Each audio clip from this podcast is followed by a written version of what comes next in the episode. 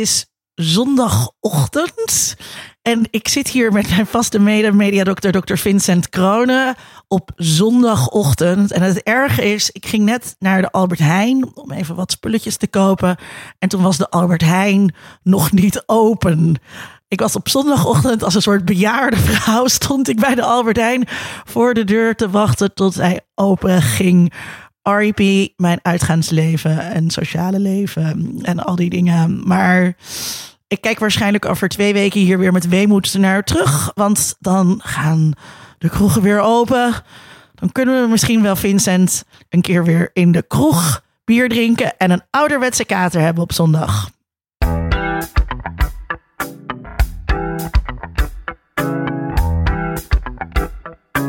Deze podcast wordt mede mogelijk gemaakt door Code Clear. Duidelijk over websites en design.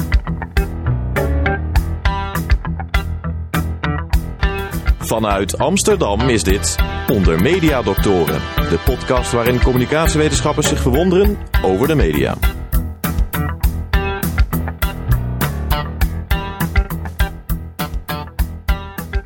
Ja, we zitten niet alleen uh, op zondagochtend, we zitten ook nog eens een keer zondagochtend in een huis met allemaal afgedekte spullen.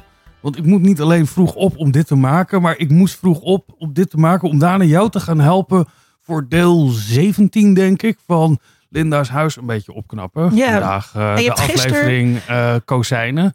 Weet je nog dat je die serie Het Blok had? Ja, nou, zo voelt dit wel een beetje. Dat, eh, dat, aan het einde win je een prijs. jouw Vincent. huis, mijn huis, of hoe heet het? Dat, eh, Maar je hebt gisteren ook al geklust bij iemand. Ik heb gisteren bij iemand geklust, ja. Nou, dat was vooral heel veel dingen in elkaar zetten.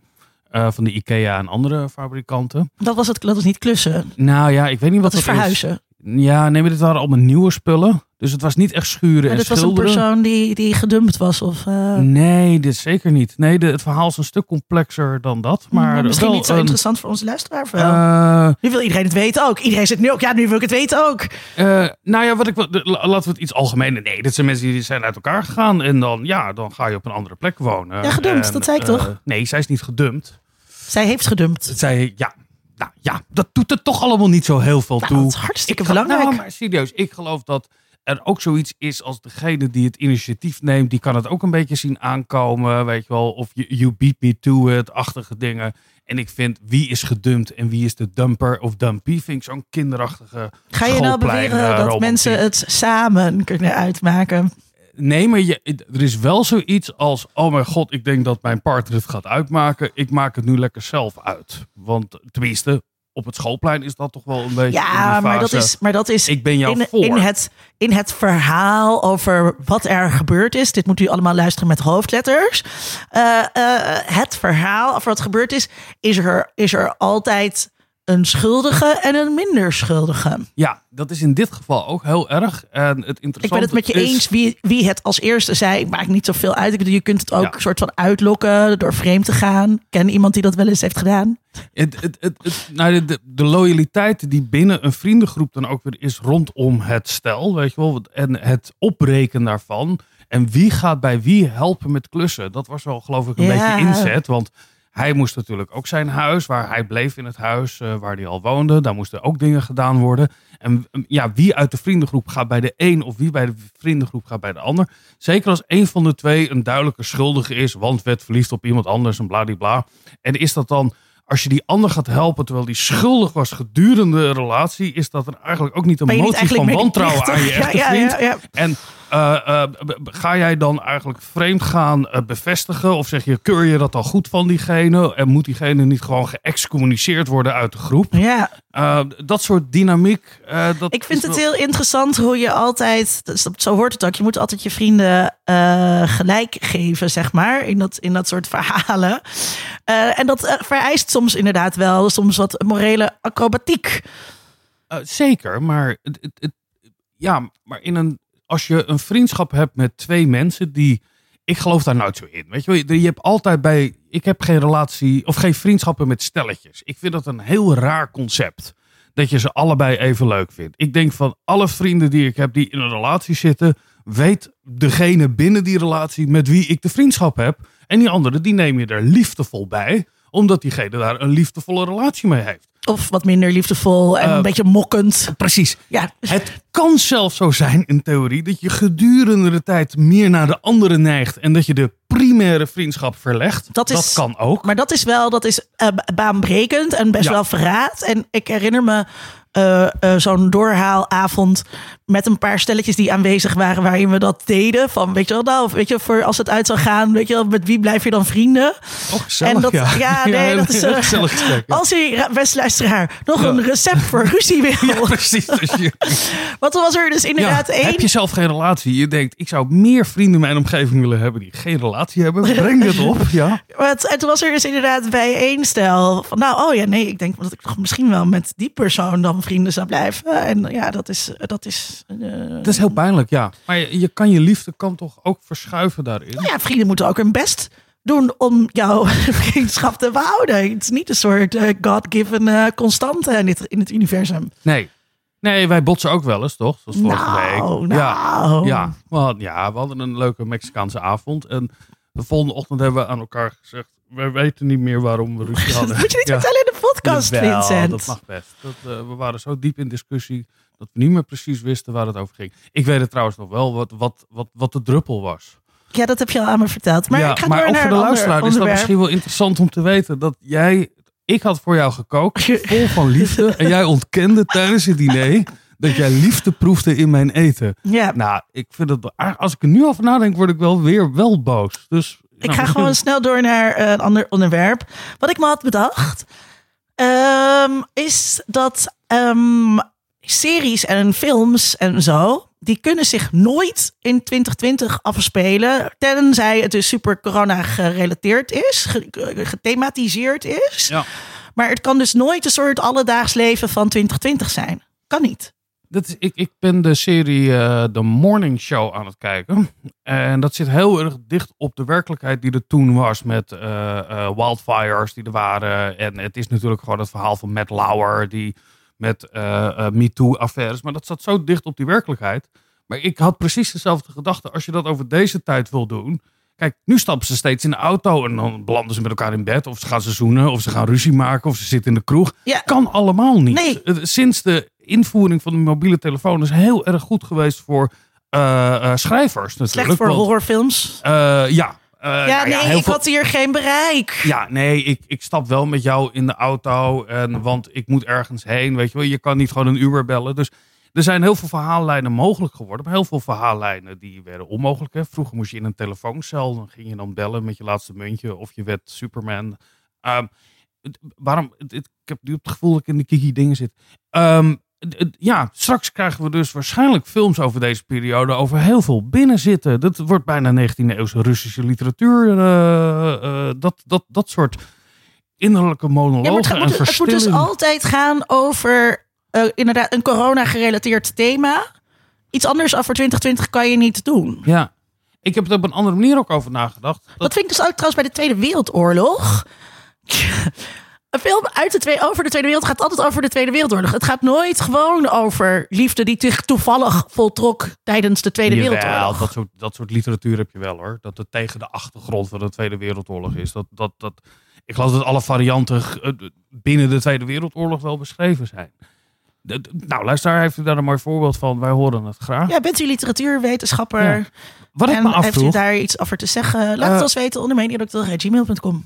zou er nu ook minder... eh, ik weet helemaal niet hoe het in Syrië nu zit met strijdende partijen en Ja, oorlogen. ISIS, is weer, die ISIS maakt hier gebruik van. Ja, maar als agressor denk je nu ook, ja, we kunnen dat land wel binnenvallen, maar dan moeten we mondkapjes op en dan mogen we de Ja, vijand echt vanaf Ja. anderhalve meter doodschieten. en, en, zou dit een een of andere manier een soort pacificatie hebben of wachten we nu tot het vaccin voordat we elkaar weer gaan Nee, aanvallen? volgens mij gebruikt IS dus de, deze, eh, deze coronacrisis om het te, te eh, regroupen en eh, zich te versterken.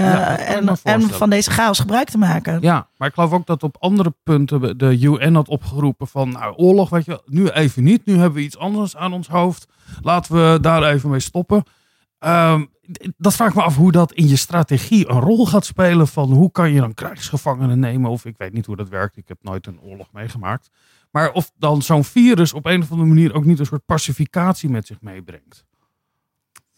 Nou, ik denk ook dat je ook vooral heel erg op moet passen dat je onder jouw gelederen geen corona krijgt. Dat lijkt Ja. me bij, bij militairen best wel lastig. Ja, dat lijkt mij ook. Dat, en je ziet bijvoorbeeld ook, dat vind ik dus heel opvallend, politieagenten staan nooit op anderhalve meter afstand van elkaar. Nee, dat valt mij ook op. En eh, we hebben al vaker besproken, die- als je door de stad heen fietst, dan zie je hier en daar wat drukte. Ja, dat, Maar die politieagenten, die, die, die, die werken samen en die houden dus allemaal geen afstand. ja, Hebben ook geen mondkapjes. Dus ik vind dus ook dat ze heel vaak dus ook te dicht op de mensen gaan staan die ze vervolgens beboeten. Dat eh, is een soort ironie, weet je wel? Dus jij zit lekker in het park, net iets te dicht bij je vrienden eh, waarmee eh, die je coronabuddies zijn. En dan komt zo'n agent die niet je coronabuddy is, in je bubbel een beetje zijn corona met je delen. Om je op de bond te slingeren, omdat je niet voorzichtig genoeg bent met corona. ja, als jij corona krijgt van een politieagent, heb je dan die te ook, dichtbij eh, is komen ja, staan, omdat hij jou beboet. Ja, Dat lijkt me ook wel heel erg twijfelachtig. Maar dat lijkt me wel een leuk, is wel een leuk gegeven voor een film.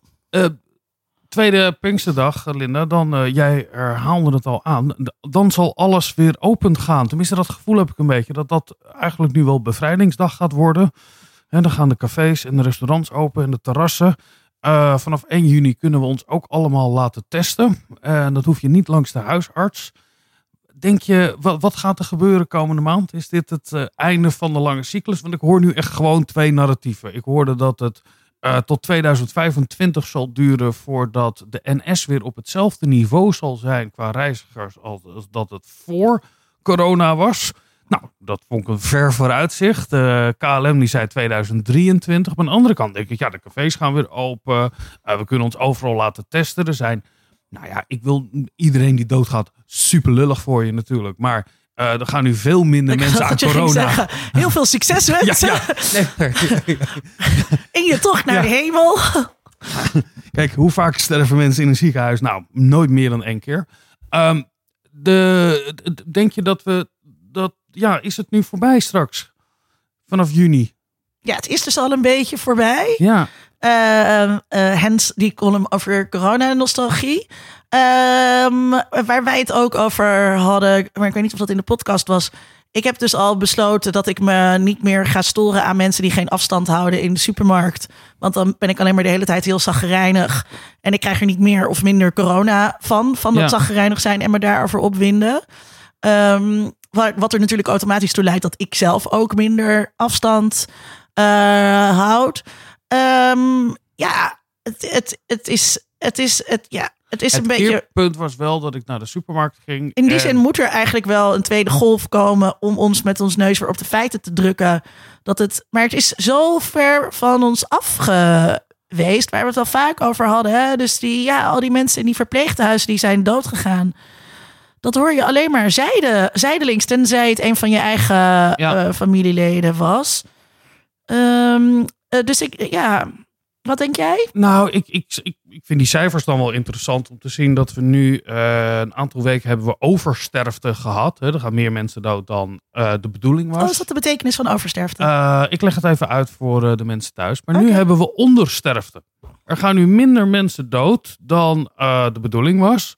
Eh, omdat eigenlijk eh, al die mensen die zwak eh, waren al eerder zijn overleden. Dus die zijn vroeger overleden. Waardoor, nou, ik hoef jou niet uit te leggen. Nou, maar ook, ik vroeg het aan, aan mijn beste vriend die op de spoedeisende hulp werkt. Van, nou weet je, want ik hoorde, of ik lees de hele tijd, weet je wel, de zorg is het zwaar. Die zijn allemaal uitgeput en oververmoeid van die corona. En ik denk dan elke keer, dat volgens mij klopt dat niet, want zij werken altijd heel hard. En eh, nu werken dus nu ook heel hard. Maar het is meer dat wij ons in één keer gerealiseerd hebben dat er IC's bestaan. En dat er mensen zijn die hard werken. Maar ehm, hij zei: nee, wat is hartstikke rustig. Hartstikke Ja. rustig. Want er is nog steeds veel minder verkeer. Eh, er gaan geen mensen uit. Dus dat betekent dat mensen elkaar niet de kop inslaan op het Leidseplein. Er zijn geen toeristen die met drugs uit het raam springen. Ik bedoel, dat zijn allemaal de dingen die zij daar op de spoedeisende de hele tijd zien. Eh, ja, dit is, dit is in die zin is het goed voor de Ja, volksgezondheid. er is ook een voorspelling gedaan dat we waarschijnlijk minder in de auto gaan zitten. En eh, dus het wordt heel erg gestimuleerd om te gaan fietsen. Maar dan gaan bejaarden ook fietsen en die zitten op een Oh, dat elektrische was trouwens fiets. wel een De interessant- nieuwe epidemie Dat inderdaad. was wel een interessant bericht. De gewonde bejaarden. Het aantal verkeersdoden is gelijk gebleven. Ja. Terwijl eh, het aantal, wat was het nou? Het aantal ongelukken. Verkeersbeweging is veel minder, maar dat- Ja, maar dat- dus al die, al die oudjes die gaan allemaal dood op een elektrische fiets. Ja. Dat is echt een groot probleem. ja, dat, dat is een nieuwe epidemie die, eh, eh, die plaatsvindt. Ja. Nou ja, we hebben het al zo over doodgaan. Dus we moeten nu wel naar lijkt mij mooi. Deze wetenschapper ja. gaan. Eh, het, was een mooi een van, het was een van onze, dit is echt heel gemeen. Het was een van onze favoriete eh, gasten eh, in het vorige seizoen. Toen we met haar over trends in uitvaartland spraken. Eh, en daarom kon zij natuurlijk zeker niet ontbreken in deze aantekeningen uit het ondergrondse. We gaan luisteren naar ehm, Yvonne van der Pijl. En zij is universitair hoofddocent sociale wetenschappen. Zij is antropoloog aan de, Beste universiteit van Nederland. de Universiteit Utrecht.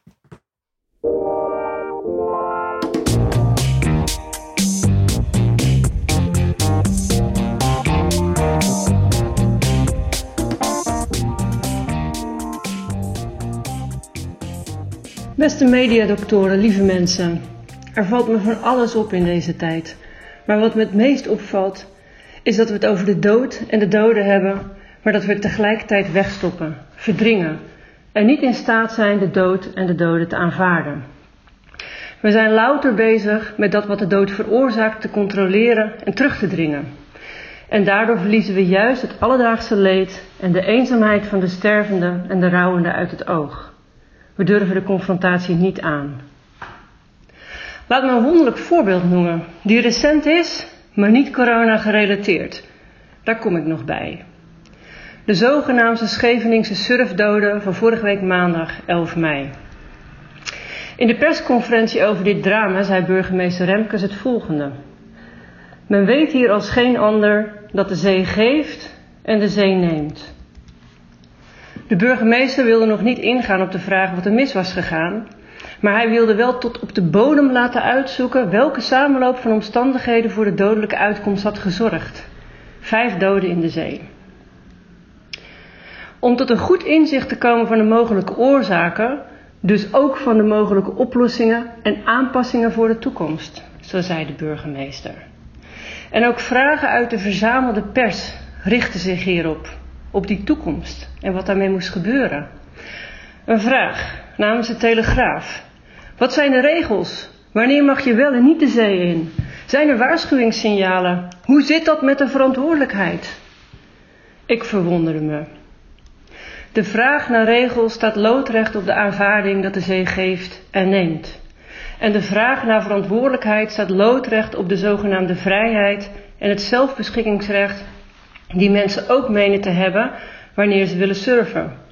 Of wanneer het gaat om het bepalen van de eigen dood, het eigen lijden en sterven. Denk aan de discussies rondom euthanasie en het voltooid leven.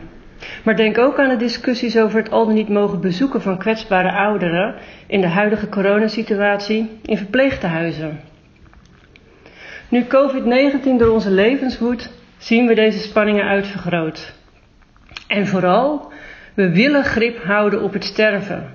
Maar gaat het daarbij nog wel over de dood en de doden? Hoewel het, NOS-journaal er niet meer stevast mee opent, staat elke uitzending nadrukkelijk stil bij de cijfers. De staafdiagrammen en de statistieken. Het dodental, het aantal besmettingen en de IC-opnames. Eerst waren daar de alarmerende stijgingen om ons te doordringen van de ernst en de noodzaak van de maatregelen. Nu zien we in de cijfers de dalende trends om ons het succes van de maatregelen te tonen en daarmee zicht op versoepeling van deze maatregelen en een vrijere toekomst. Het dagelijks cijferritueel laat maar één ding zien. De dood moet gecontroleerd en teruggedrongen worden. Fair enough natuurlijk. Maar waar zijn de doden? Of beter, wie zijn de doden? Daar hebben we het nauwelijks over. We hebben het niet over de dood, hooguit over alles wat afwezig is bij het sterven, het afscheid en het rouwen. De nabijheid van de ander, het gebruikelijke ritueel, de troost van het samen zijn. Ook niet onbelangrijk hoor, om het ook daarover te hebben als je het mij vraagt. Maar dat gaat niet over de dood, het gaat niet over de doden zelf. Die zijn onzichtbaar achter de cijfers en onzichtbaar achter de drang te controleren, terug te dringen en terug te keren naar ons geliefde normaal. We hebben het niet over de dood in de media, al lijkt er nog zoveel aandacht voor. De uitvaartsector heeft nog nooit zoveel belangstelling gehad. We hebben het er niet over in de wetenschap. Daar moeten we allerlei oplossingen vinden voor van alles en nog wat. Voor medische vraagstukken, de economische crisis, allerlei maatschappelijke problemen, voor de erosie van kunst en cultuur en ons gemankeerd fysiek en geestelijk welbevinden. Laat me twee voorbeelden noemen over hoe onzichtbaar de dood en de doden binnen de wetenschap zijn in de huidige situatie. Eerste voorbeeld. In maart is een online nationaal expertiseportaal voor sociale wetenschappen en geesteswetenschappen met betrekking tot COVID-19 in het leven geroepen. Heel goed idee. Iedereen kan daar nu experts vinden op allerlei verschillende themagebieden. Je kan er van alles nuttigs vinden onder thema's en experts van gezondheidsgedrag tot gezin en familie. Ik miste vreemd genoeg het thema sterven, dood, afscheid en rouw of zoiets dergelijks. Na enig aandringen is dat nu verstopt onder het thema mentale gezondheid. Wonderlijk. Voorbeeld 2. ZonMW en NWO, de nationale financiers van gezondheidsonderzoek en wetenschappelijk onderzoek, hebben al verschillende subsidie, subsidieoproepen gehad. Ze stonden allemaal in het teken van urgente problemen en oplossingen. En ik begrijp die urgentie. We willen zo snel mogelijk een vaccin. Er is nu acute aandacht nodig voor alle eenzaamheid. De economie. De economie. De economie. Wat ik mis, zelfs bij de speciale call maatschappelijke dynamiek, ik mis een wat minder instrumentele benadering. Eentje waar we ook de tijd voor krijgen als wetenschapper. Vooral die wetenschappers die nu alleen eigenlijk online onderwijs aan het geven zijn. Dat we de tijd krijgen rustig na te denken over de toestand waarin we nu verkeren en daar een slow science onderzoek voor te ontwerpen. Ik zou graag de stervende en de doden, de dood zelf, onderwerp van reflectie willen maken. Waarom willen we ze niet zien? En hoe kunnen we ze wel zien en accepteren wellicht? We willen de zieken beter maken, de dood ontkennen. En als we iets zichtbaar maken, dan lichten we er een klein stukje uit. De eenzaamheid van het sterven misschien de gemankeerde of juist creatieve uitvaart, de solistische rouw. Antropologen weten dat de dood een gefaseerd proces is, met vele transities. In die wonderlijke greep van corona zou ik zichtbaar willen maken, door het hele proces van sterven, het levenseinde, het afscheid en de rouw, wat we klaarblijkelijk het liefst verdringen. Dat doodgaan onderdeel is en zal blijven van ons leven, hoe graag we de zaak ook onder controle willen hebben. En dit onderzoek, dit onderzoek heeft overigens geen haast. Want wat we kunnen leren uit dat veelgelezen boek van de afgelopen tijd, De pest van Camus, is het volgende. En ik sluit daar graag bij af om een stukje voor te lezen. Het is een spoiler als we het nog niet gelezen hebben. Uh, helemaal aan het eind uh, van het boek. Daar waar uh, Oran, de stad die voor een jaar op slot zat, weer open is gegaan. Ik lees. Luisterend naar de vreugdekreten die uit de stad opstegen, bedacht Rieu dat deze blijdschap nog steeds bedreigd werd. Want hij wist wat die menigte onbekend was en wat men kan leren uit boeken. Dat de bacil van de pest nooit sterft of geheel verdwijnt. Dat zij tientallen jaren kan blijven sluimeren in de meubels en in het linnengoed dat zij geduldig wacht in de kamers, de kelders, de koffers, de zakdoeken en paparassen, en dat wellicht de dag zou komen waarop, tot onheil en lering der mensen, de pest haar ratten weer zou wekken en uitzenden om te sterven in een gelukkige stad. Beste mensen, lieve mensen, beste mediadoktoren, we zijn sterfelijk.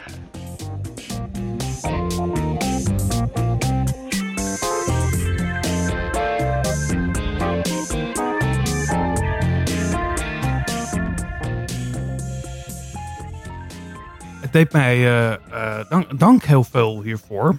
Um, het, deed mij heel erg denken aan, en ik kom straks op de naam, dat vanuit de geesteswetenschap zijn wij gewoon niet zo heel erg goed om te denken in, in optimalisatie, in succes, in het dingen verbeteren. Uh, we, we, zijn veel meer gericht op het wat dan verstehen heet. en als je wetenschap gaat inzetten om iets beter. Nou ja, wat, wat de oproep voor slow science. Weet je wel, dat levert uiteindelijk niet minder doden op. Het gaat, als het iets zou kunnen opleveren, is hoe we als samenleving ermee omgaan. En daar wringt het zich enorm. En dat voorbeeld van die servers vond ik inderdaad heel mooi. Want in zeg je nou eigenlijk dat de geesteswetenschap en het neoliberalisme onver- fundamenteel onverenigbaar zijn? Nou, ik zie wel een verschuiving in de geesteswetenschappen waar je twee kampen hebt. Hè. De, je hebt het, het, het kamp die eh, zegt van goh, wij zijn daar gewoon niet voor en wij zitten voor het verstehen. En die, die spreken ook altijd vanuit een, nou ja, wat je een soort Calimero-perspectief kan noemen. Weet je wel, wij zijn altijd, worden niet serieus genomen. Wij staan niet op zo'n website. Wij kunnen eigenlijk daar eh, niet aan meedoen. En we willen daar ook niet aan meedoen. En je hebt een ander kamp dat zegt nee, we zijn juist ontzettend belangrijk hierin. Eh, want wij kunnen daar wel aan bijdragen als we de definitie van wat succesvol is of optimalisatie iets anders gaan inrichten. En we hebben daar ook andere middelen voor nodig dan eh, andere wetenschapsgebieden. Namelijk, we hebben vooral tijd nodig en gesprek zonder dat we daar met eenduidige antwoorden gaan komen. Nou, is Yvonne ehm, sociaal wetenschapper? Ja, Ik zei, eh, zei het net al eh, even.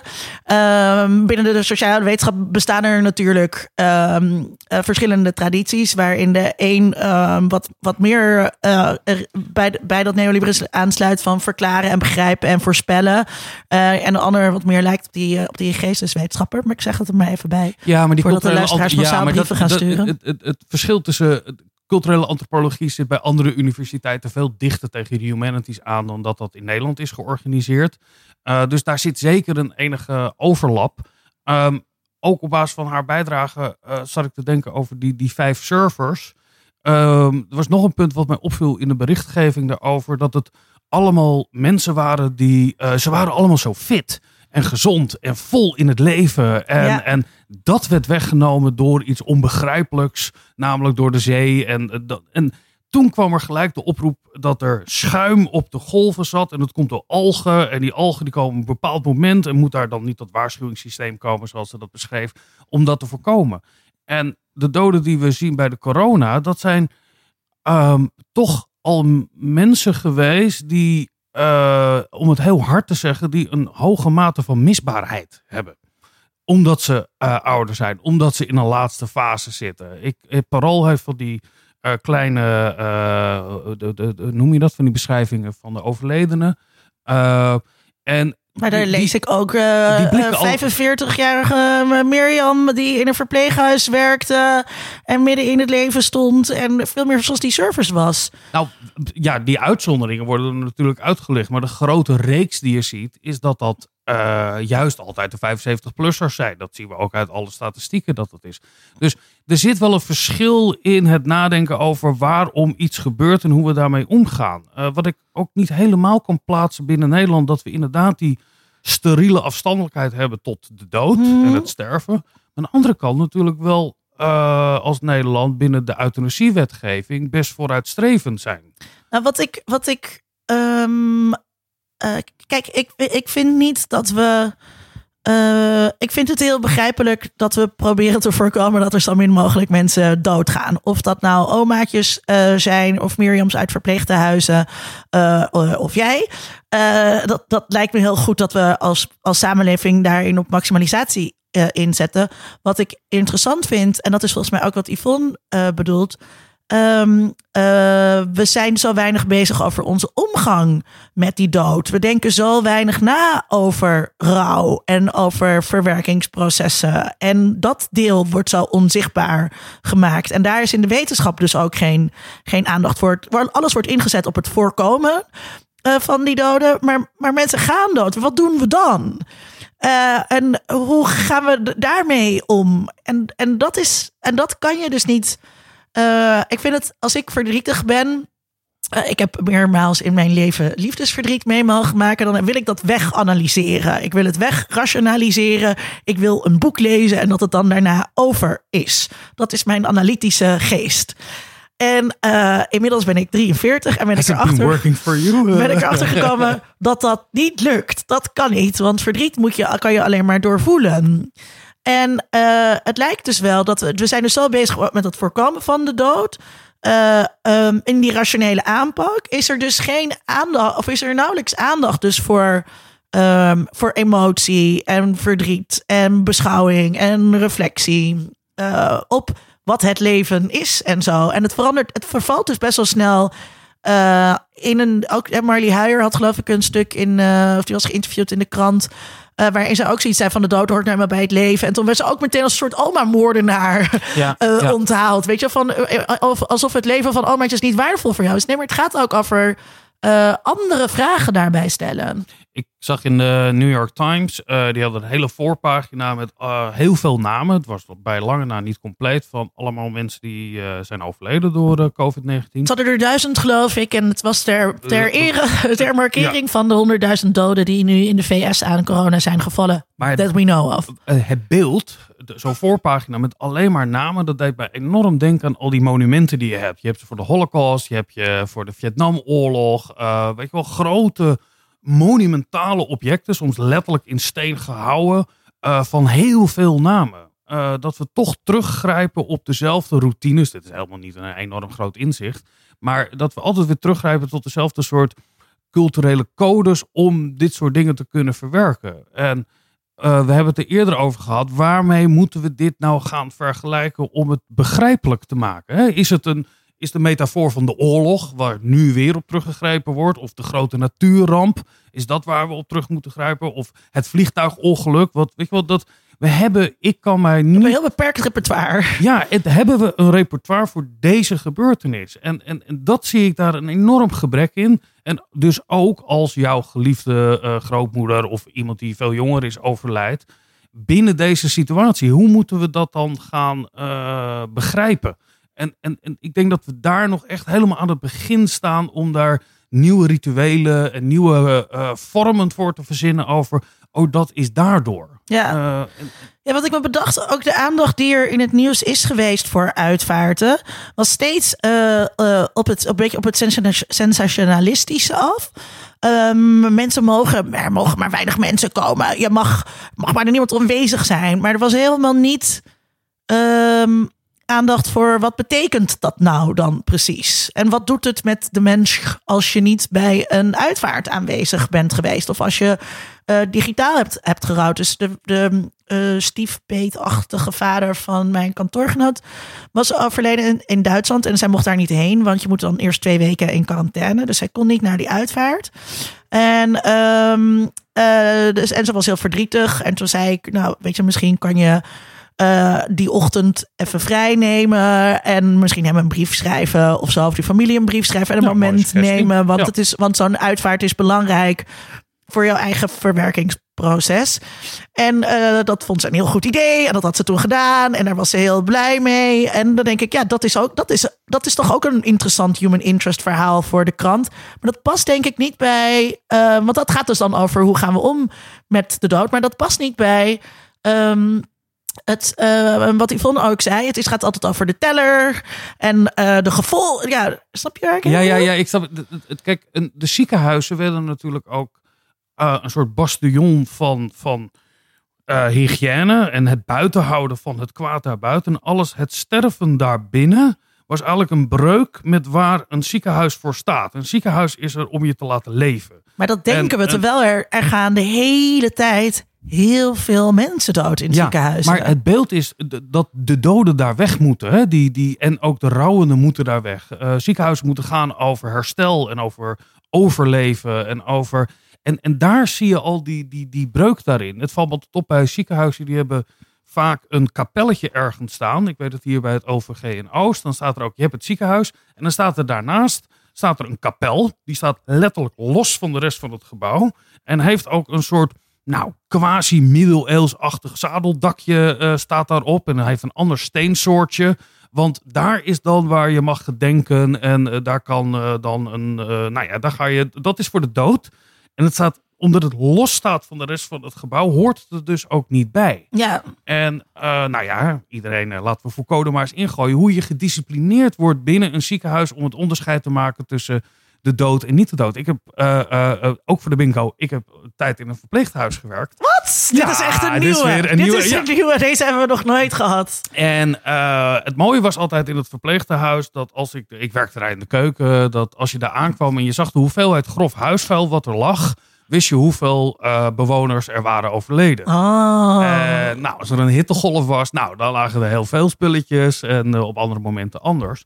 Maar op het moment dat een bewoner overleed, dan eh, ging dat. In, elk verpleeghuis heeft een eigen mortuarium. Tenminste, dit, eh, dit was in Geuzenveld, had dat wel. En dat werd dus ook direct, werd iemand letterlijk in, een, eh, in de kist dan met de lift naar beneden. En dat ging dan in het mortuarium. Het mooie was, dat mortuarium zat vast naast de wasseretten. En eh, als jij al jouw. je, en iedereen weet die wel eens eh, hele vieze theedoeken of nat, weet je wel, dat je niet alles nat in een wasmachine gooit, dat het eerst moet drogen.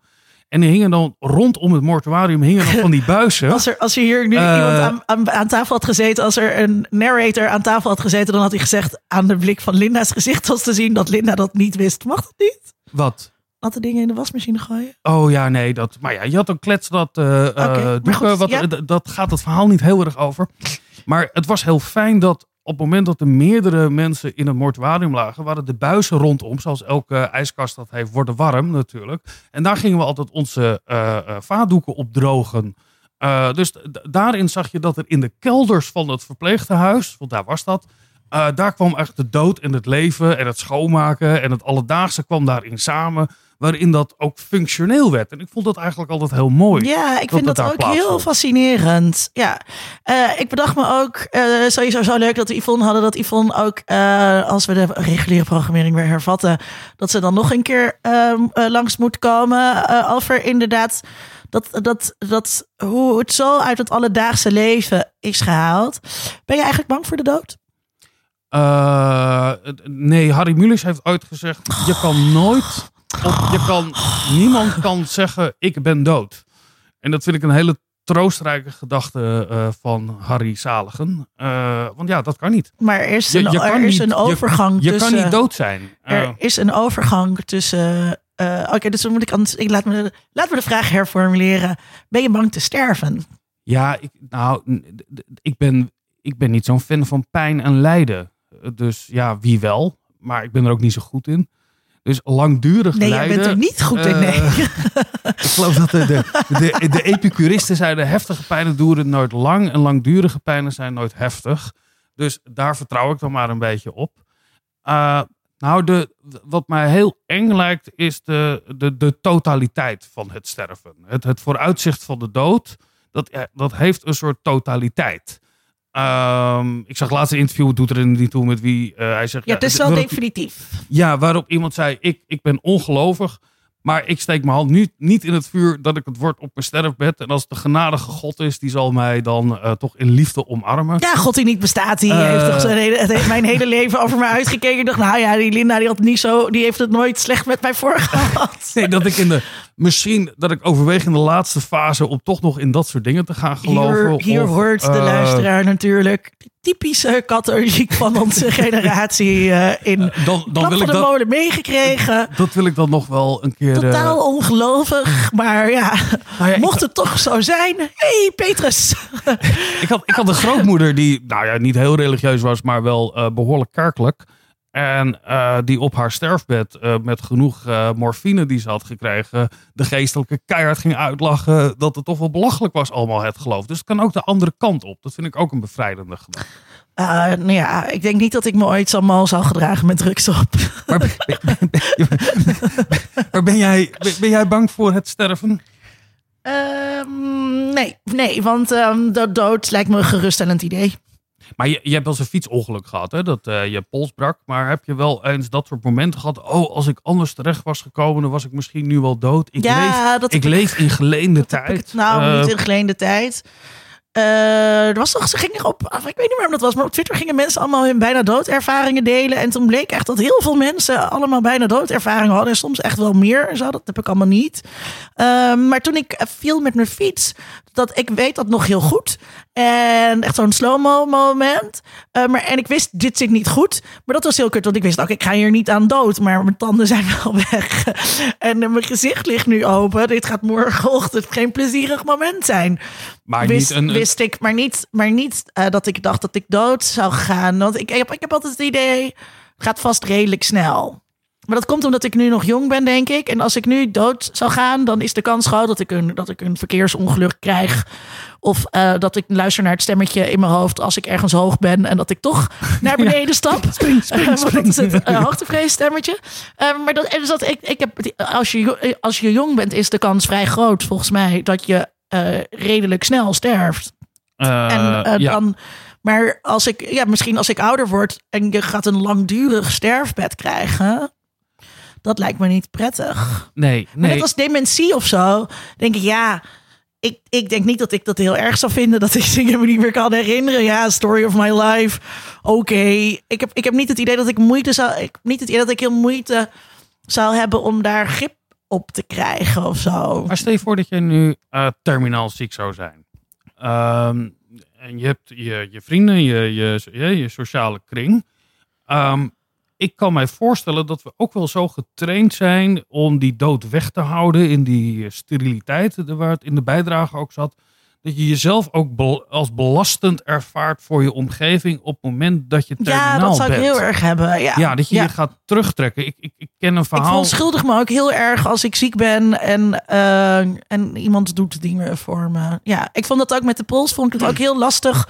Toen was ik afhankelijk van, nou, nou dat is als, je weet maar de luisteraar niet, eh, was ik afhankelijk van mensen die voor me kwamen koken, want dat kon ik niet zelf. Dat vond ik ook heel bezwaarlijk. Ja, maar dat, dat lijkt me zo raar als je in zo'n fase zit. Ik ken twee verhalen uit mijn omgeving waarin iemand een vrij kort een relatie met iemand had en diegene bleek terminaal Oh ja, eh, ziek te zijn. Oh, ja. En eh, in het ene verhaal eh, duurde dat nog een jaar of vier, vijf. Terwijl diegene echt een half jaar verkering met elkaar hadden, hartstikke leuk. En zij heeft dus nog vier jaar lang met hem, tot aan de, letterlijk tot aan de dood, is zij bij hem gebleven. En ja, nee, er was geen liefde. eh, ja, er was zorg en, en, en dat soort dingen. Ik ken ook een verhaal van iemand die snel ging trouwen met een terminaal iemand. En diegene bleek niet terminaal, nog steeds getrouwd. Dus, eh, Maar die ging dat doen vanwege, dat die dacht, oh, dan kan ik de erfenis, dan kan ik, dan kan ik het geld dat, opstrijken. nee, nee, dat niet. Maar eh, die waren volgens mij, eh, weet ik veel, twee jaar samen. En diegene die dacht, nou, ik wil je goed achterlaten. En eh, ik ga toch dood. En we houden veel van elkaar. Dus dan, dan, dan regel je dat in één keer. Ja. Eh, en als dan iemand toch niet overlijdt.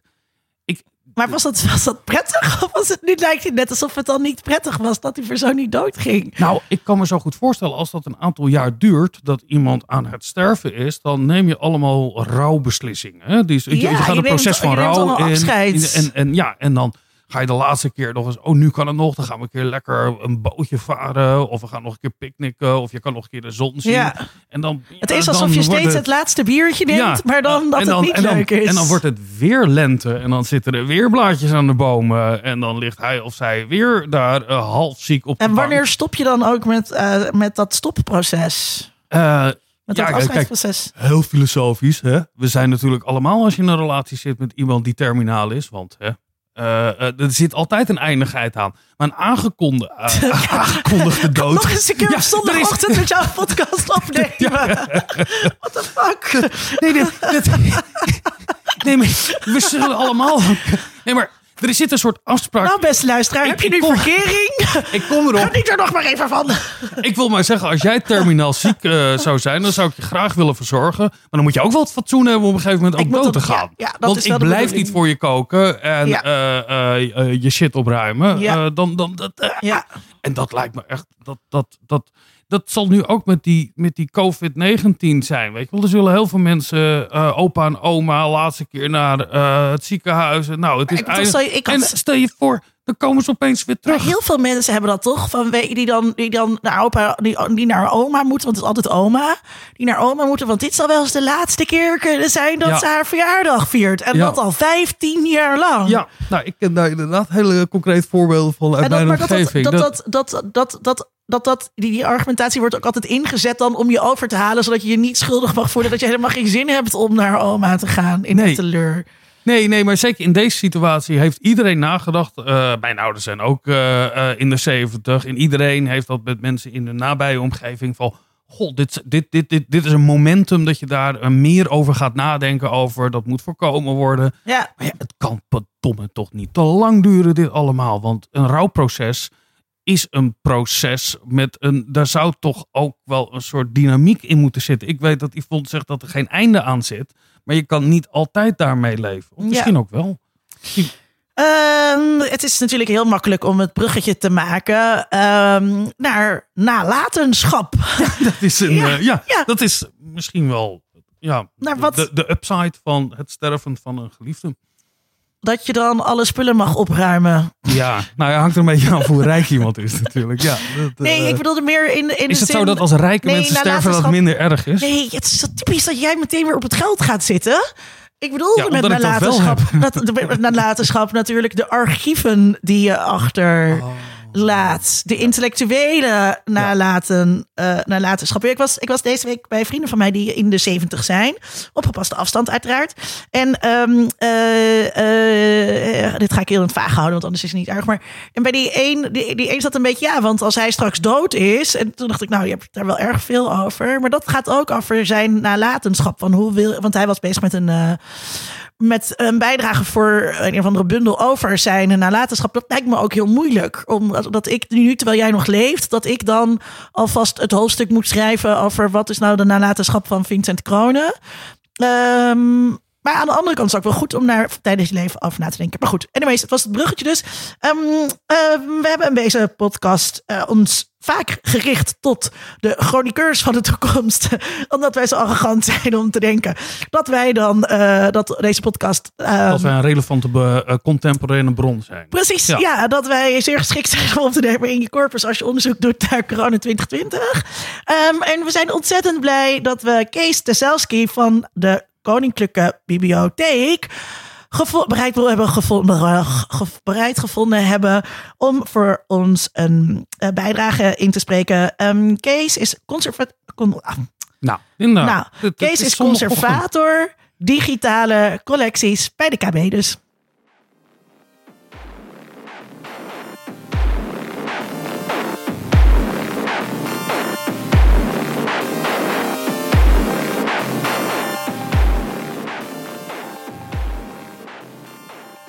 Archivarissen en bibliothecarissen verzamelen bronnen die relevant kunnen zijn voor historici van de toekomst. Helaas is het lastig te voorspellen wat morgen, straks over 50 jaar of pas zelfs over 100 jaar als bron kan dienen of een historisch moment is geweest. Sommige zaken lijken heel belangrijk en relevant, maar hoeven dat op de lange termijn niet te zijn, omdat de huidige coronacrisis vanuit een andere blik of gezien de ontwikkelingen op de lange termijn een nieuwe betekenis of juist een ander belang zal krijgen. Tijdens het schrijven van mijn proefschrift over de Sacra Corona, ofwel de heilige kroon van Hongarije, sprak ik vaak over dergelijke historische processen met mijn Hongaarse promotor Agnes Várkonyi. Zij was in 1928 geboren, een beroemd historica en is in 2014 overleden. Zij studeerde geschiedenis in Budapest vlak na de oorlog en tijdens de communistische machtovername.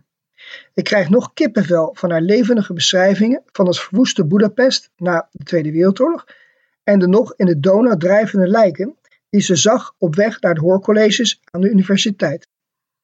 Tijdens de Hongaarse revolutie van 1956 was ze docent aan de geschiedenisfaculteit. Met de studenten eh, van haar werkcollege trok ze door de stad en als de gevechten tussen de Russische soldaten en de Hongaarse vrijheidsstrijders even waren stilgevallen, dan raapten ze de pamfletten op die waren achtergelaten of maakten ze foto's van de opschriften op de buitenge- buitgemaakte tanks of andere in hun ogen belangrijke zaken. Haar les was: observeer, registreer en analyseer, maar doe dat vooral samen. Let op de blik van de ander en leer daarvan zonder meteen te oordelen. Spreek bij mensen die midden in de gebeurtenis zitten en daar invloed op uitoefenen, maar geef ook aandacht aan gewone mensen. Die worden meegezogen in de maalstroom van de geschiedenis, niet goed begrijpen wat er aan de hand is en die de grip op hun dagelijks leven lijken te zijn kwijtgeraakt. Met de quarantaine begon voor mij een periode van innerlijke emigratie, waarbij ik, zoveel, eh, waarbij ik veel aandacht aan het welzijn van mijn gezin heb gegeven en voor rust en stabiliteit thuis wilde zorgen in een woelige wereld. Daarnaast ging mijn werk als conservator digitale collecties bij de Koninklijke Bibliotheek online natuurlijk gewoon door. Wat mij opviel was hoe soepel de overgang mijn gezin verliep tussen de analoge lessen op school en het online onderwijs thuis. Mijn oudste zoon zit op het gymnasium Haganum in Den Haag. Mijn tweede zoon gaat naar een internaat, het Benedictijns Gymnasium van Pannenhalma in Hongarije. Hij kwam net te, op tijd terug uit Hongarije. En mijn dochter zit in de laatste groep van de basisschool in Wassenaar. Vanaf de eerste dag leek het alsof zij uh, nooit anders hadden les gehad dan online. En ze paste zich razendsnel aan. Mijn dochter van 12 had al snel door hoe je het internetfilter van school kon omzeilen door gebruik te maken van DuckDuckGo. Ik heb heel veel foto's van die thuissituatie gemaakt. De kinderen verkleed in carnavalskostuum voor de webcam, het huiswerk maken op de balkon en de online dictées die werden afgenomen doordat de kinderen schreven op een whiteboard voor de webcam.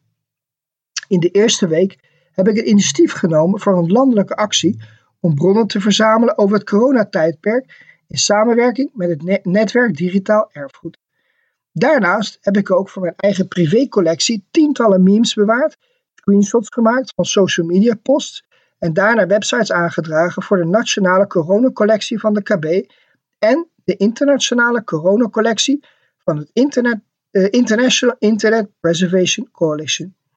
Ook probeer Julia Noordergraaf, hoogleraar digitaal erfgoed, en Tobias Blanke, hoogleraar Humanities en Artificial Intelligence van de Universiteit van Amsterdam te helpen om bronnen te verzamelen over de coronacrisis. Ook hier gaat het om vluchtige bronnen te bewaren en in kaart te brengen op welke wijze individuen en gemeenschappen hun ervaringen met de coronacrisis in het dagelijks leven vastleggen in woord en beeld.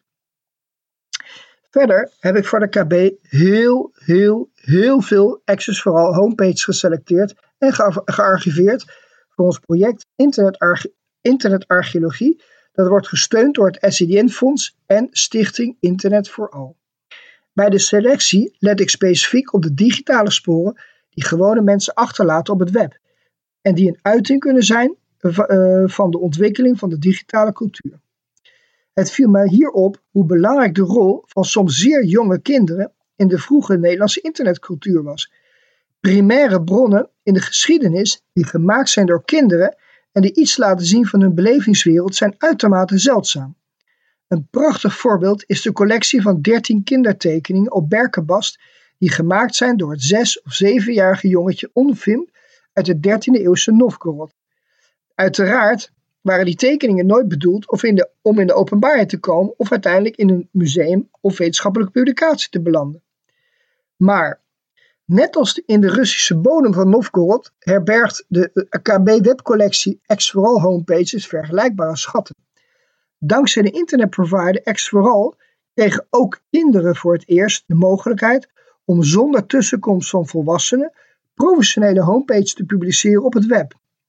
Ik noem dergelijke vroege sites webincunabelen of webwiegedrukken, omdat die online homepages al echte digitale publicaties zijn, maar ook nog de kenmerken hebben van de traditionele analoge druk op papier, zoals opmaak, uiterlijk en inhoud.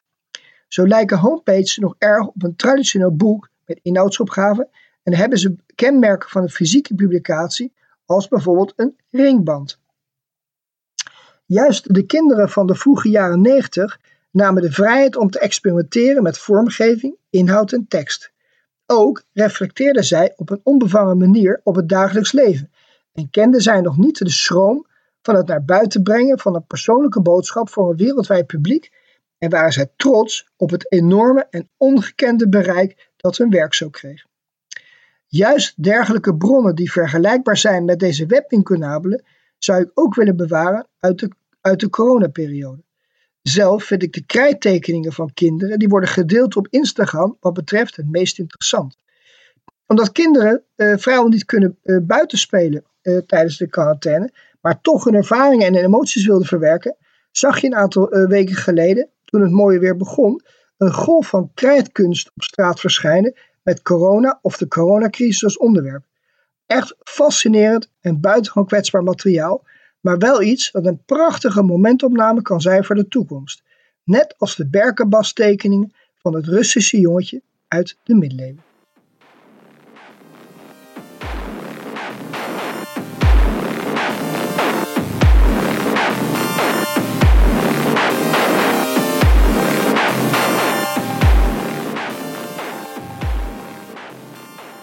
Weet niet zo goed of wij nou in aanmerking komen. eh, of Kees onze podcast nou relevant vindt voor het nageslacht. Ehm, of niet. Daar zat ik natuurlijk in mijn totaal arrogantie Dat is wel Heel heel, erg- erg arrogant om dat als uitgangspunt te hebben bij het beluisteren. eh, ehm, aan te denken. Nee, ehm, ehm, maar nee, het gaat natuurlijk over die criteria eh, die zij hanteren voor wat waardevol is. En ehm, eh, dat hij daarin ook erg op het alledaagse zit. Ehm, wat volgens mij nu ook heel erg in de mode is eh, binnen archiefstudies. En dus ook, eh, wat ook waar we het net met Yvonne, eh, of waar Yvonne het over had en wij op doorgingen. Hebben, we hebben die enorme fascinatie voor het alledaagse. Maar volgens mij is dat ook een, een wetenschappelijke trend. Is dat ook een modegril? Nou, ik weet niet. Ja, modegril, dat klinkt heel erg licht. Ik weet inderdaad uit. Ja, dat klinkt licht, maar dat is Ja. het niet. Maar ik bedoel, er zijn altijd. eh, Ja, dus in die zin heeft trend heeft een, heeft een negatieve eh, bijsmaak. Maar er zijn altijd trends. Eh, Nou, het is er wel heel erg bijgekomen. Ik weet uit dat de amateurfilm ook heel erg belangrijk is geworden voor de archieven. En het is natuurlijk ook, wij kennen de geschiedenis van de 17e, 18e eeuw, 19e eeuw. Vooral natuurlijk uit de hoogtepunten. En het reproduceren van teksten of wat dan ook, dat was heel erg duur. Nou, dat hoef ik niet helemaal uit te leggen. Dat we nu eh, vanaf de amateurfilm en, en, en de dagboeken natuurlijk. Dus in die, die privécommunicatie die er was, dat we daar nu inzicht in krijgen. Uh, wat ik interessant vind, is dat hij zegt dat er dus krijttekeningen zijn. Daar worden foto's van gemaakt. Die worden weer geplaatst binnen een bepaalde platform. Weer met bepaalde affordances. Over, kan je dan nog spreken over een primaire bron? Of heb je, want eigenlijk is de primaire bron natuurlijk de krijttekening Ja. zelf. Dat zou je kunnen conserveren. We kunnen de tegels uit eh, de stoep halen. En maar dat zou je dus eigenlijk eh, wel moeten doen. nou, de, de betekenis verandert natuurlijk ook weer met de context waarbinnen je dat ziet. Eh, en, en, en dat maakt het denk ik heel erg lastig. Ik merk dat ook bij onze studenten. Dat ze het, het onderscheid dus wat nou precies een primaire bron is, steeds moeilijker is om te maken. Eh, is dat het verhaal dat iemand schrijft en dan ergens plaatst?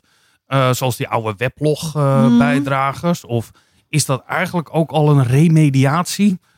zoals dat dan zo mooi heet, waardoor we steeds het vraag over wat het origineel is minder relevant is. En daar is natuurlijk al vanaf de jaren 80 eh, al heel erg over nagedacht dat we in een soort de hyperreal moet ik over Mhm. denken van eh Baudrillard dat het, het de oorsprong helemaal er niet meer toe doet. Ja. En hoe straks wij daarna gaan kijken of we nog begrijpen waarom dingen op een bepaald moment gedaan werden.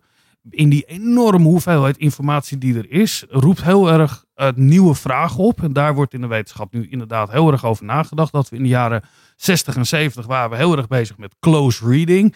Nou, bijvoorbeeld de 13 Berken eh, blad, eh eh, Mhm. Berkenschorstekeningen, die gingen we helemaal uitpluizen. En nu zie je dat er distant reading is. Dus hoe kunnen we gebruik maken van die digitale middelen, digitale tools, om te begrijpen over hoe eigenlijk de grotere structuren daarin samenwerken.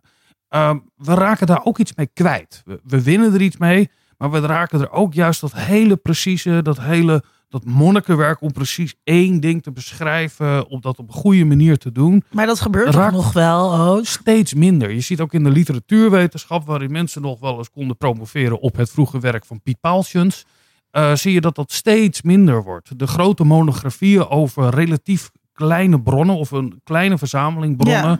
raakt steeds, is, is uit de mode. Is, is inderdaad niet meer de trend die er, eh, die er nu is. Het gaat juist nu veel meer over die, de grote structuren daarvan te begrijpen, de algoritmes, over hoe dat werkt. Ehm, teruggaan over. eh, Nou, ik wil de- er, ik wil ja. er nog eh, wat eh, over zeggen, omdat dat ook aansluit bij wat Yvonne eh, natuurlijk doet en bij wat antropologen eh, eh, doen. Namelijk ehm, heel langdurig eh, in een bepaalde onderzoekssetting verblijven. En heel langdurig daarmee bezig eh, zijn. En dat past ook niet in het model van wetenschap wat er nu is. Dus ik was zelf een van de laatste die bij communicatiewetenschap een monografie heeft geschreven. Dat is ook echt een etnografie. Ehm, en eh, ik weet nog dat ik, toen ik nog negen maanden te gaan had, eh, ze van hogerhand zeiden: Kan je niet de artikelen die je nu al hebt gepubliceerd in een bundel doen met een nietje er doorheen en dat je er een inleiding bij schrijft? En ik zei: Ja, maar ik heb twee jaar veldwerk gedaan en dan gaan die artikelen niet over. En ik moet daar een boek over schrijven, want dat kan niet in artikelvorm. Ja. En ehm, die enorme reductie die daarin plaatsvindt, hè, dat je dus eigenlijk niet meer, dat ook antropologie-studenten worden nu gedwongen om eh, toch eigenlijk vier artikelen eruit te persen. Ehm, en dat reduceert, dat reduceert ontzettend. En het reduceert ook je manier van denken. Uh, dat als je als academicus gevormd moet worden en je wordt. er zijn steeds meer mensen die hele goede sprintjes kunnen trekken. Als je het met atletiek wil vergelijken en steeds minder eh, de duur lopen. De grotere arch die je moet creëren op het moment dat je een monografie schrijft van die vijf, zes, zeven hoofdstukken met een eh, grote verantwoording en niet steeds weer dat hergebruiken, een soort modulair eh, wetenschap heb je. Mensen gebruiken steeds weer diezelfde theoretisch kader, die plak je Mhm. erin, die pas je een beetje aan, een ja, soort meer methodestukje. methodesectie. Ja. En dan kom je bij de results en het discussion is steeds wat nieuw is.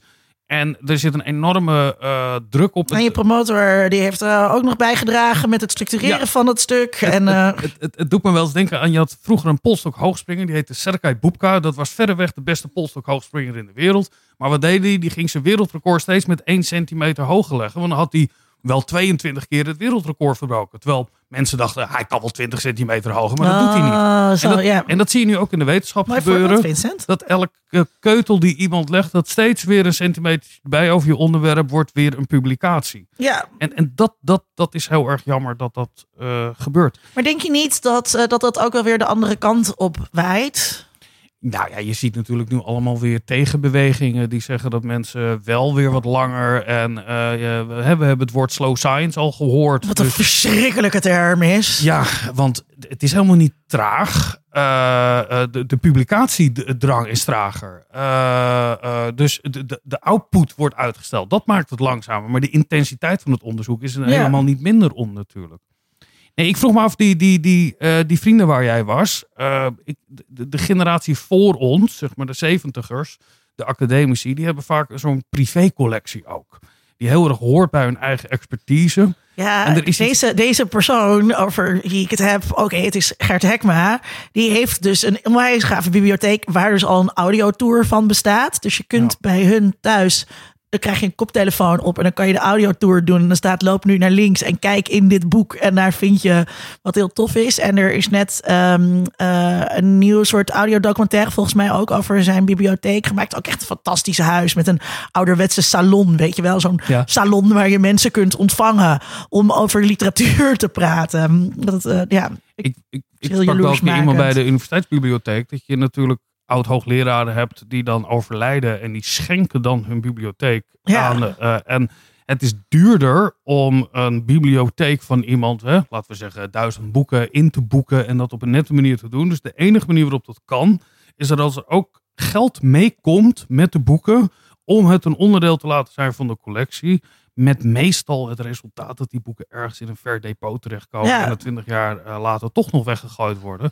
Want de waarde zit hem in de collectie, In de collectie, zelf ja. natuurlijk. En niet zozeer en- in de boeken en dat is bij Gert natuurlijk ook zo. Ehm, eh, dat eh, ja, daar, langs de, daar langs de planken gaan, dat, dat, dat is de ervaring. En daarom is het natuurlijk wel mooi dat er dan dus secundaire bronnen worden gemaakt, zoals die audiotour, om die ervaring weer te geven. Want wat je net zei over die krijttekeningen, daar moest ik ook aan denken. Er hangt hier om de hoek zo'n eh, spandoek voor oma die Ja. in het, eh, in het eh, oudere wat is het? eh, in ja. het seniorenhuis zit. En dat spandoek hangt er al heel lang. Dus ik weet niet over, dus ze was jarig of zo. Maar niemand weet dus meer wanneer die verjaardag was.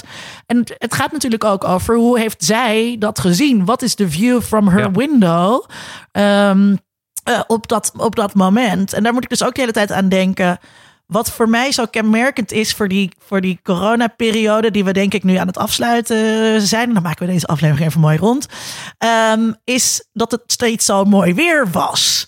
En dat is dus ook heel moeilijk te vatten. Want Ja. dat mooi weer, ja, dat is, dat is eh, weg. En ik weet niet, we hebben het een paar keer wel genoemd ook in deze podcast. Maar dat hoort heel erg bij die beleving die er was. En die beleving is dus altijd vluchtig. Die is nooit meer te reconstrueren, voor volledig te reconstrueren. Ja, en wat je zei, die, de, artefacten zelf, hè, het doek zelf moet bewaard worden. De stickers die nu ontwikkeld zijn, de plexiglas oplossingen, de grapjes over mondkapjes die er allemaal zijn. Dat, dat veronderstel ik, zijn straks relevante bronnen ook. Ik, ik, ik weet dat ik ooit in eh, Sarajevo was en hadden ze een tentoonstelling, hele slechte tentoonstelling over de be- belegering van de stad. Maar er hingen ook heel veel van die handgeschilderde borden van pas op eh, sluipschutters. Weet wel? En die, die hingen daar dan als artefacten. Terwijl die geschiedenis natuurlijk nog heel pril is. Wij gaan straks ook op een tentoonstelling zijn waarin we dan de plexiglas eh, zien. En waarin we de stickers zien met anderhalve meter. En wij worden dan in eh, onze rolstoel binnen, binnengerold van jullie en dan kunnen mensen krijgen een audiotour met fragmenten. Misschien wel van deze Ik aflevering. eh, zag eh, een klein stukje van een documentaire over Auschwitz, wat natuurlijk al heel lang bestaat. En ehm, eh, daar het prikkeldraad. Ja, prikkeldraad blijft gewoon niet zo heel lang goed. ja. Maar bij de Auschwitz-beleving hoort wel prikkeldraad. Ja. Dus dat prikkeldraad moet vervangen worden. En zo eh, wordt het dus gewoon uiteindelijk een, pret, eh, een pretpark. Hè? En is die, is die. Je kijkt nu heel bedenkelijk. Ja, want ik, ik, ik zit na te denken of ik zal vertellen dat ik ooit als 19-jarige een stukje prikkeldraad uit Auschwitz heb meegenomen. Gesmokkeld. Nou ja, Ik dat. kan me voorstellen dat het niet de eh, bedoeling was dat je het originele prikkeldraad. eh, nee, het was een heel verroest stuk, maar later begreep ik dat dat inderdaad steeds weer vervangen wordt. En dan denk ik gewoon ook een dat. stukje prikkeldraad. Ja, en, maar ik, ik vond het eigenlijk ook niet zo oké van mijzelf. Maar ik vergeef Ja. mijn 19-jarige zelf dat ik dat heb gedaan. Dat je toch zo'n artefact meeneemt of wil hebben, dat is. eh, kinderen, doe dat niet. Hier kunnen we nog wel een tijdje over doorgaan. Luister je nou naar dit en ben je ook archiefwetenschapper of hou je je met archieven bezig of digitalisering of andere verwante geesteswetenschap? Wij horen heel graag je bijdrage. Neem met ons contact op via Ja, ook een persoonlijk archief. Ben ik ook geïnteresseerd in. Van mensen die zeggen: Goh, we zijn deze tijd thuis met onze kinderen. We gaan dit in een mapje stoppen met Ja. coronatijd. Heb je dat en eh, wil Wat je daarover Ja. vertellen? Eh, dat vinden wij ook heel leuk. Eh sowieso vinden wij eigenlijk alle bijdrages eh, leuk. Ja, heb je geen inhoudelijke bijdrage, maar wel een financiële? Dat kan natuurlijk ook. dat kan eh, via Patreon. Ga naar de Wordt onze website Patreon-. Of gebruik de .nl. doneerknop op onze website. Eh super veel dank aan Yvonne en Kees dat zij eh de bijdrage hebben ingesproken. Heel veel dank aan Sonner, die vandaag de redacteur van dienst was, die de audio-nabewerking heeft gedaan. Dank uiteraard aan Matthijs van Lisdonk. En dank aan jou, Ja. vaste mediadokter. En bedankt ook dat je me kon we- helpen met het laten we klussen gaan- in mijn laten we huis. gaan schilderen. Laten we gaan beschilderen. Oké, Doei. doei.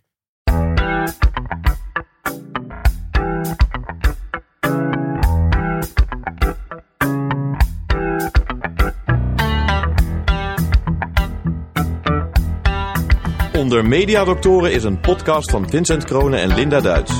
Meer informatie vindt u op ondermediadoktoren.nl.